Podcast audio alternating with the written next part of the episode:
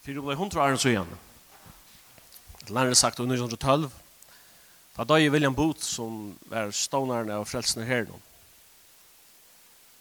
William Booth han er kjent for for øyne nek sitater. Nek som han har sagt.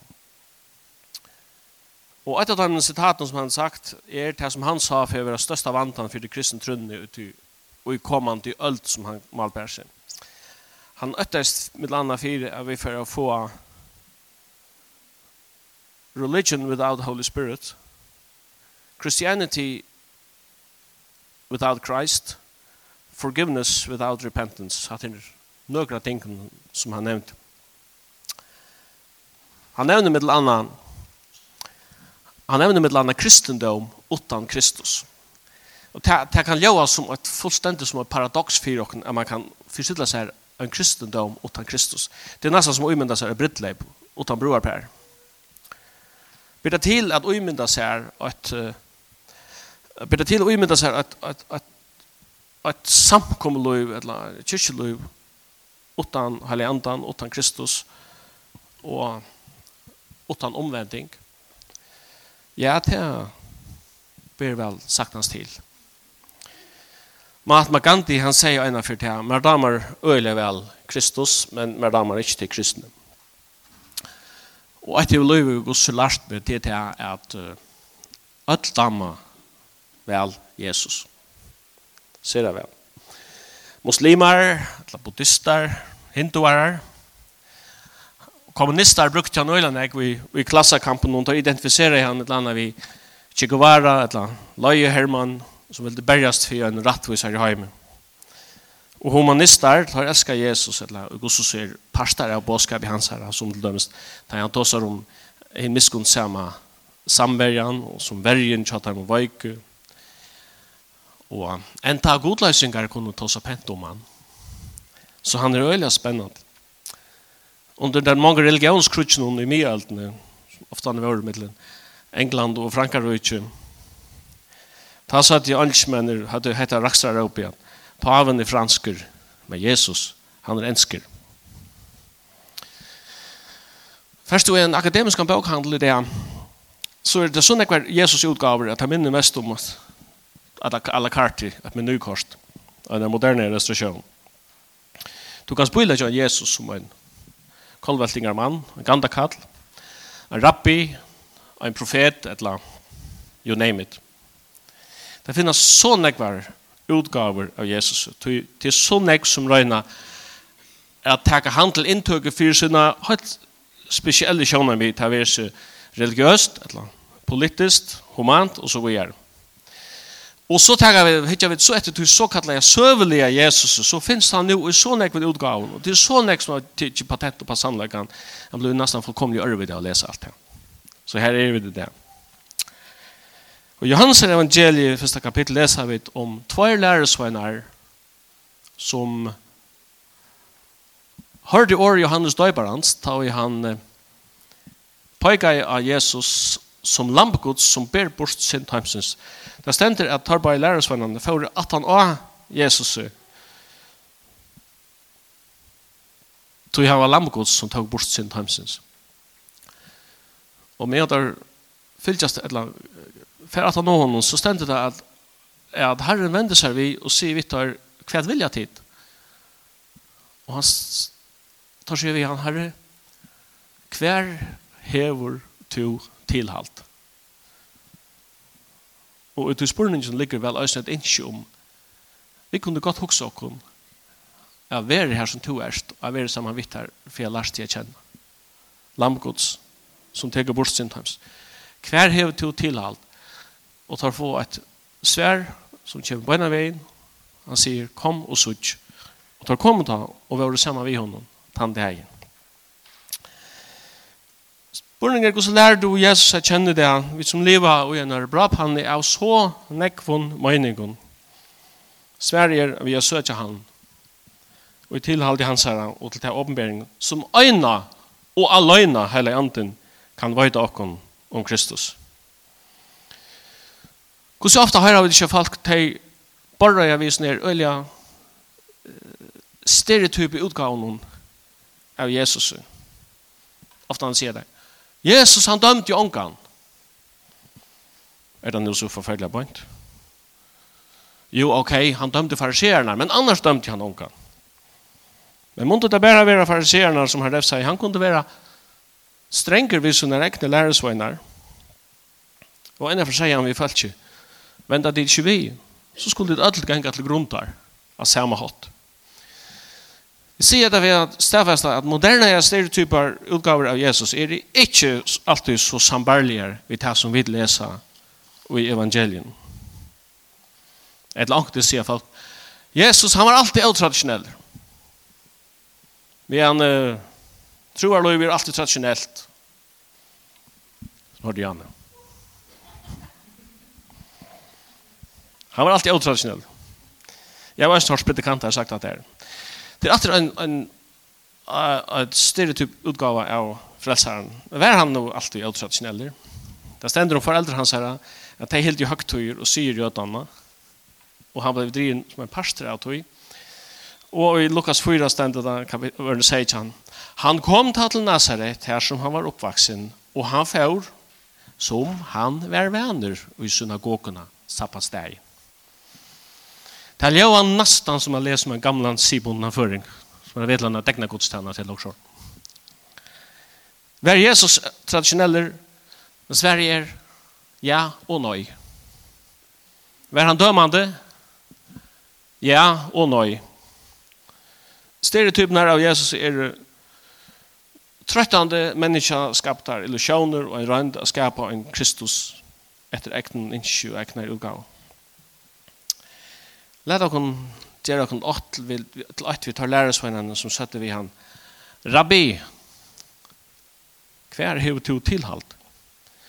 Vi ikke okkar egne meninger nyr, eller ikke der nyr enn løte, og høyre hva to hever å fortelle okon om til sjål. Vi vet at, at religion kan ikke frelse noen mennesker, men det kan Jesus.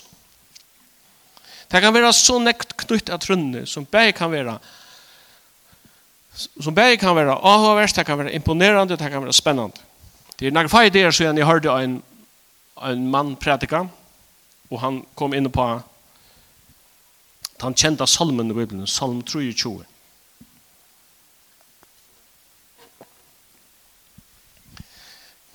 Det er andre salmer som sånne jeg fakt tog åttan er som salm 23. Herren i hyremun men fattast andre. Så sier han, om hendan salmen at uh, han, til som, til som tånløyger leser han Mali og det poetiska det skallskaper i, i världens format å lese salm 23. det er så nek som kan hota okken. utan at vi tenker den mest tøtninga mikla Etla for jeg sier det akkurat som det er, det er vel til å kjenne hyra salmen utan att känna salma Hyra te er også vant vi tror løven og også vi samkom løven. En pratika kan bære være fengande og avhøvert og imponerande. Og allikevel, vi skal drøve, hvis vi skal samarbeide vi og en måltid, kan mangla verelig fastlevire vi tar at det så kjøtt kan være som bod sier Christianity without Christ. Vi kan også bra lese vidt Då är vi att jag skulle vita hur snäck ströj jag har vi haft för tikkun och för tejug ladikea och för allt som inte har sett andet mot i halden. För jag görst att tarra skulle vara trösta så det var knutt samman och kärleka och nå fram till allan rygda om hina fotle vits visso. Till kunskap om landarmal Guds som är Kristus. Och i honom är alla skatter visdomsins och kunskaparens att finna fjalter til kunnskap om landarmal gods. Landarmal er, året er mysterion. Hvor kallar Paulus Kristus fyrir et mysterion? Et landarmal.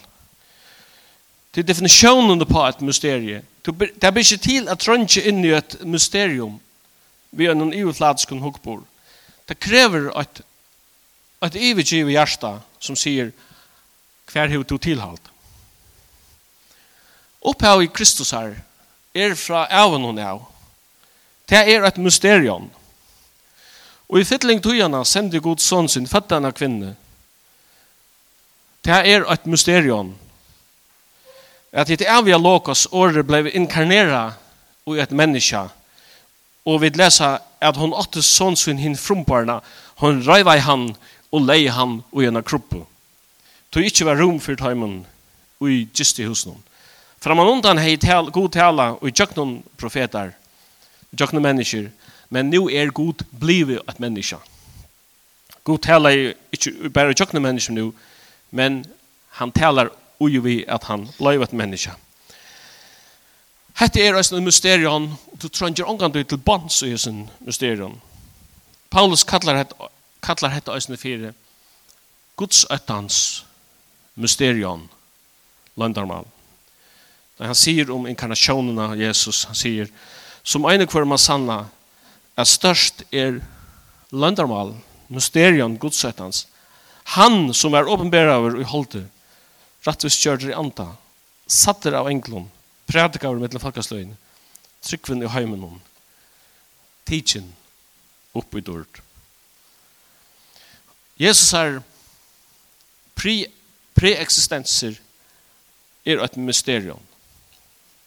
Han sier såleis i oppmeringsene, jeg er alfa og omega. Opphavet og enden. Det er ikke framan undan alfa, og det kommer ikke atana omega. Men kan du skilje avnleikene? Blir det til å fæte? Prøver du på det, så finner du kjøttet til at viljen vil mer enn intellektet røkker. Og da får man ofta så med kjenslen som det stender i Salme 24, at det er som er djup, råpar er djup. Ta du grundar at det store mysterium, Kristus.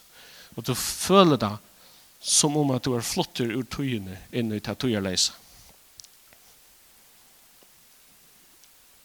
Og for tog Jesus trutjar av lærersvennen sin til søyes og han får vitt ham ned av et ekvelig høgt fjall.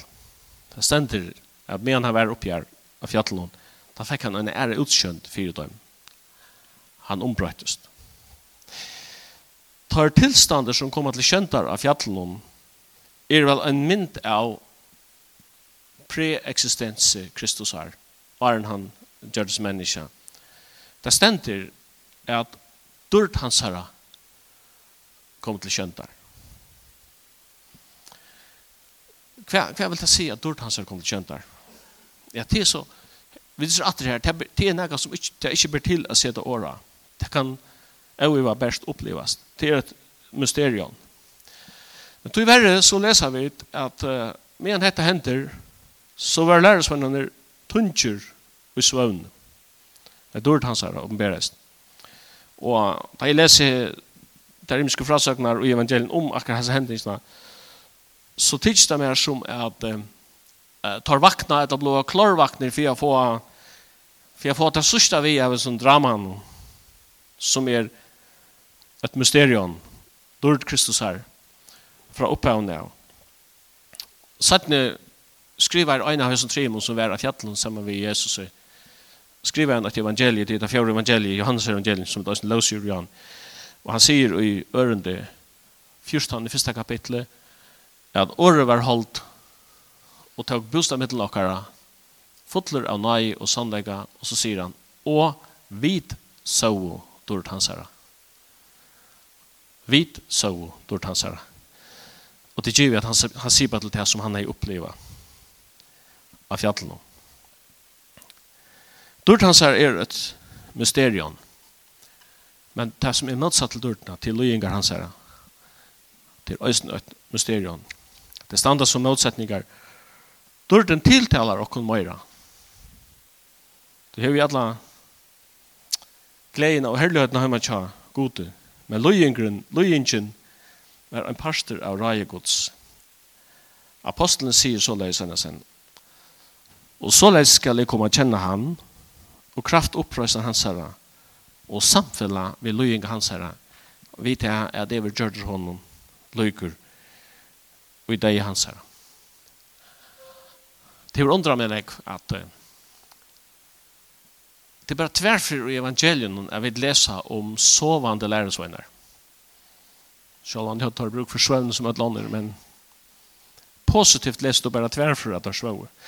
Fyrre fyrre var av fjallen hon tar dørt hans her blei åpenbæra, og settne fyrre at du sørst å sove etter at det er omtala, var det semane og ta var det ikke dård som var åpenbæra, men det var kærlikur sindarinnar, og han prøyser som Guds elskade soner måtte gjalda for menneska synder, for jeg vidt kunne få lot og i dård hansara. Ombrøydingar fjalli og getsemane er motsetningar, og det er stø som einekvar tryggvande øyra vitja og i andanon, for jeg læra, for jeg læra det mysterium att känna som är Kristus. Det är väl ikke det så hon kjøtt enda ut till kjølbedre som bot av er mot Christianity without Christ.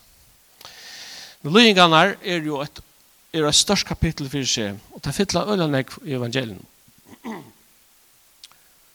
Leste evangelien, så sørst du at ganske 30-40 prosent av du tilfære eller at du lesestoffet som er i evangelien, det snur som noe som hender innenfor øyne vike, altså påskavikene, da Jesus døy. Og løyingene er, var også noe som mor hans herre var blivet, var blivet profetera fyrir en nengt frem og undan, og hava også ikke skilte det, så stendet det, at hun leiser hese ting av hjertet. Så Jesus ferreist, så som han vaks upp i Galilea og virka i Galilea, så, så ferreist han östen til Jerusalem, og det var her östen at han tjekk inn til sina løyengar og sina opprøst, sjalt om han var slekt av eller vaks upp i Galilea. Men det stender at de får reglerlige til Jerusalem, så ser apostlehøgtøyene, foreldrene, tjånen, Og ein lydel tilbor er omtalar i Lukas evangeliet at Jesus som 12 år gammal er saman vi foreldrensunnen av påskehøgtun i Jerusalem. De høgtun er av for at de høymater. De sutja ikkje, de finner ikkje sonen han 12 år gamla, men de halda at han er i middelen fyrra falskene, eller middelen skiltfalskene, og de halda løyina fram. Jeg vet ikke hva han er, men han var vær ångstan her, så vi, vi kører bare vi er man det er ikke ofte være så vi tror løy noen. Jeg kjenner han kanskje ikke, jeg føler han ikke, men jeg håper han er angsten i rikven her. Kanskje noen andre kjenner han. Og de hilde fram, men en av kjekt opp for dem, her er ikke alt som det skal være. Så de stekka av og vendte atter til Jerusalem. Og leida av etter hun utrykja der. De er nevnt, de var nevnt han byrja i tempelen. Annars hadde funnet jeg på en av Så jeg vet ikke hva det er å leida at han har trodd det er funnet det han, 12 år gamlan, inne i tempelen, her han sette mittelen tar lærte, tar skriftlærte, og bæge spurte og sverre og alt som hørte han var de undravst av vit og svær hans herre. Og det ser vi han, hvor gjør det du dette? Og så kommer dette, dette underlige svære, hvor har de leida etter meg? Visste tid ikke at jeg øye er vera, og i verste fægismunns. Jeg har vært verst i fægismunns, tolv år gammal. Og det stender at jeg skilte ikke det som han sier, men så leser vi etter det som så ofte han har sagt om mor hans herre. Maria gømte hese år og i hjertasøyn. Men det er som sagt en annen påske høgtøy. Så vær mange er skjøttene. Det er sånne druddarinnar var kjørt til synd. Ta han sanne lærersveinene rundt om seg og sier vittar. Tøymen er kommet at menneskesonen skal være given og i hender syndarene. Og til det kommer at vi handtaker han i Gethsemane, ta sier han vittar som kommer etter om. Hette her er tøymen tikkara og valgt myrskursins. Og vi vet at her at Jøder hadde jo ju rett til å ta nägarna av dövon. Där hade et råd, där hade amarska valgt, som romere hadde givet dem, det var jo reelt romere som stod i landet noen. Men att ta folk av døven hadde ångar rett til. Så om de fick när hade välja det. Så etter å ha dømt Jesus til deg, så modar sted til Pilatus romerska landshøvding, för å få license to kill. Ta kunne ju inte göra det selv. Men Pilatus var ikke en person som har nærmere som helst interesse i ættelsen her interne religiøse diskusjoner om som jødene var. Et som han, det var et, en oppgave han hei, det var at, at opphalda lov og landaskil i land, og ikke annet. Så da han vil kalle Jesus inn i fire seg, så sier han, sier han øynsporene, han sier, Erst to konkur jødene? Og spurningen er rent politisk, 100%. Og hva skal man svære på en sånn spurning? Det er det spesielle, det er det vi, vi har såkallet ja og nøy spurningen. At øvnans om du svære ja eller nøy, så blir du miskjelter. I forutsetning til at du som spyr er en for så samansetter at han miskjelter svære. At han miskjelter svære under alle omstøy. Så svære han ja er konger jødene, så i Pilatus oppfatter han som en, en, en opprørsleier, for det han er vel ikke der, Men skulle han svære nøye på at han var konger i Skal herre herre og konger konga, som er et evet kongadømme, som ikke endte er kongadømme, skal han si nøye at han ikke konger? Det kan man ikke. Så svære vi vinkler på en helt annen ørve som alt. Han sier vi på Pilates. Er det nekket selv å finne på, eller har andre sagt at om til? Sier Pilatus, Tutt folk hever ivigjøtt et moin. Hva hever du gjørst? Hva Og så kommer svære. Så indirekt. Mot kongadøme. Mot kongadøme. Mot rujtje. Er ikke av hesen heim. Om så være mot rujtje være av hesen heim. Så hadde min tænare barst for at jeg ikke skulle leve kjentlig. Altså mot kongadøme er, er ikke Det snur ikke om Rom, eller Asien, eller London, kring Mialhav, Det er ikke av hesen heim. Men man kan ikke ta seg om sitt kongadøme utan man er konger.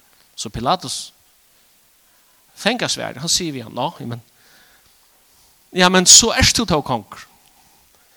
Og Herren sverar at han sier, ja, jeg er konger til det er, til det er føtter og til det er kommet i heimen at jeg skal vittna om sannløykan.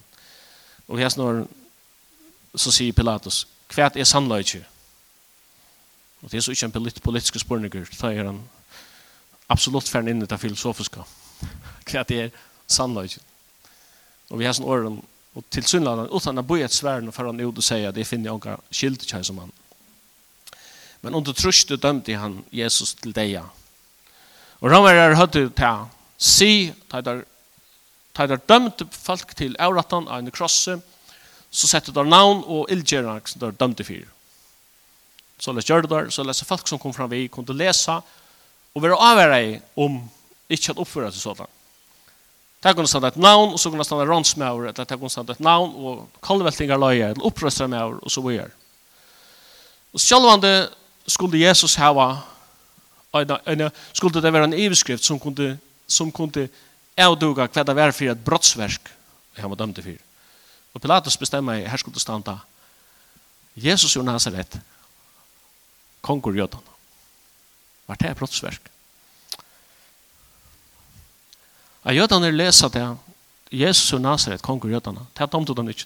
Det var en total eimuging av jødene, at krossfestet har regnet kong. Så da var det Pilatus og sier vi han, kan du ikke brøyta hans ivskriftene? Vi vil ha at du skal skriva, heter Jesus som sier seg av være kong og jødene. Men Pilatus sier vi tar, det som jeg har skriva, har jeg skriva.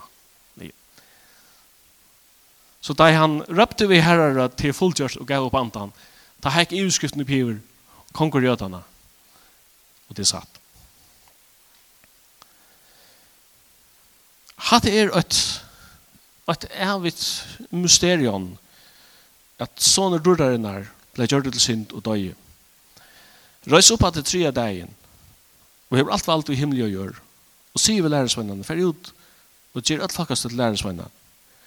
Døype til navn færesens, sånnarens og heilig andans og lær deg å halda alt det som jeg har bøydigen og er vittigen alla der lyka til enda tøyerne. Vi lever i en heim i dag som hever sånne ekkert forvirra her, Kristus utgaver. Det er sånne ekkert frustrerende røtter. Jeg vet av alvorlig bruk for å sette oss ned i det.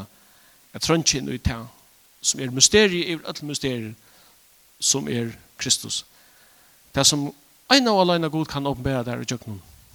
Årsutt og tjøkkenen andre sønn. Det er det som vil brøyde alt for tøyt lov, for tøy og avløkken, for dere folk, for dere samkomme og for landet dere. Og mitt ønske for dere alle og for dere er Jeg vil ikke bare kjenne hira salmen, jeg vil kjenne salma hiran, Jag vil ikke bara kjenne året om han eller prætikene om han. Men jeg vil få fædre Kristus självan så det kända at det tog som var øtten kjær William Booth av det er jo en Christianity without Christ. Men Herren signar deg om. Takk for det.